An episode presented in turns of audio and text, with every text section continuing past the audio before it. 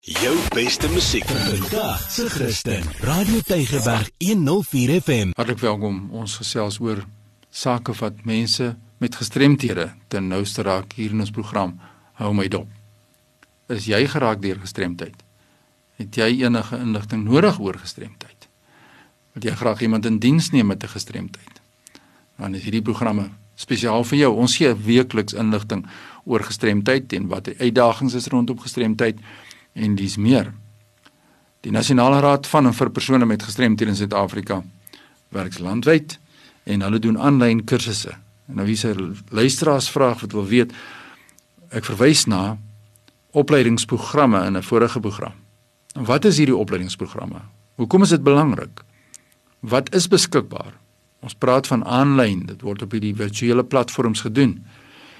Nou die eerste program wat beskikbaar is by die Nasionale Raad van en vir persone met gestremthede gaan natuurlik om mense met gestremthede self hulle families te bemagtig rondom gestremdheid, die impak van gestremdheid en hoe hulle die pad vorentoe moet aanpak.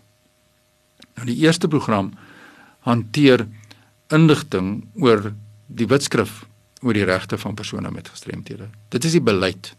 Nou dis 'n beleid wat gevorm moet word. As jy nou iemand is by 'n skool, jy luister miskien en jy is die skoolhoof, daardie beleid wat jy het in jou skool, is daardie beleid in lyn met die wetskrif op die regte van persone met gestremthede, want een of ander tyd al is jy hoofstroomskool kry jy op pad met 'n kind met 'n gestremdheid.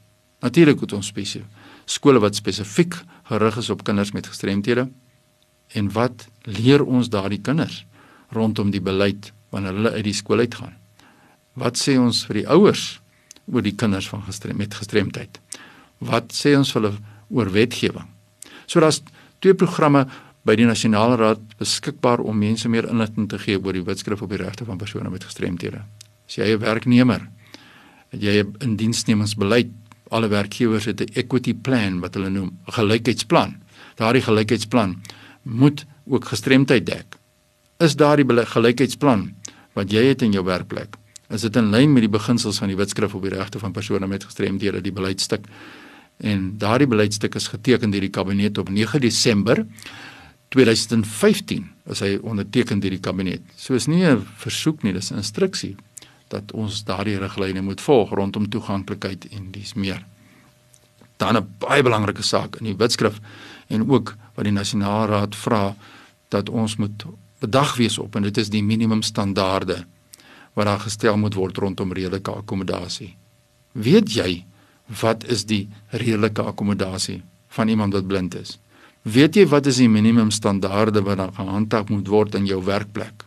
In jou geloofsgemeenskap? Wat is die basiese dinge wat daar moet wees in jou kerk om iemand met 'n siggestremdheid of blindheid te kan hanteer? Is dit brail? Is dit grootdruk? Is dit klanktoerusting? Dis daardie vrae wat in hierdie opleidingssessies hanteer word. Want baie keer het mense die persepsie as iemand gesigverlies het, gee hom brail om te lees. Nie alle mense wat blind is of sigverlies het is brail gebruikers nie. Ek dink dat mense die meerderheid van mense wat sigverlies ervaar, statistics sê dat dit is nie brail gebruikers nie. Daar's ander alternatiewe forme van kommunikasie wat mense gebruik omdat almal nie die kans gehad het om brail op skool te leer nie. Ons het daardie persepsies en ons moet dit na vore bring en ons moet mense oplei in hierdie verband. So die minimum standaarde as ons nou kyk na minimum standaarde binne die kerk vir mense met gehoorverlies. Wat moet daar wees?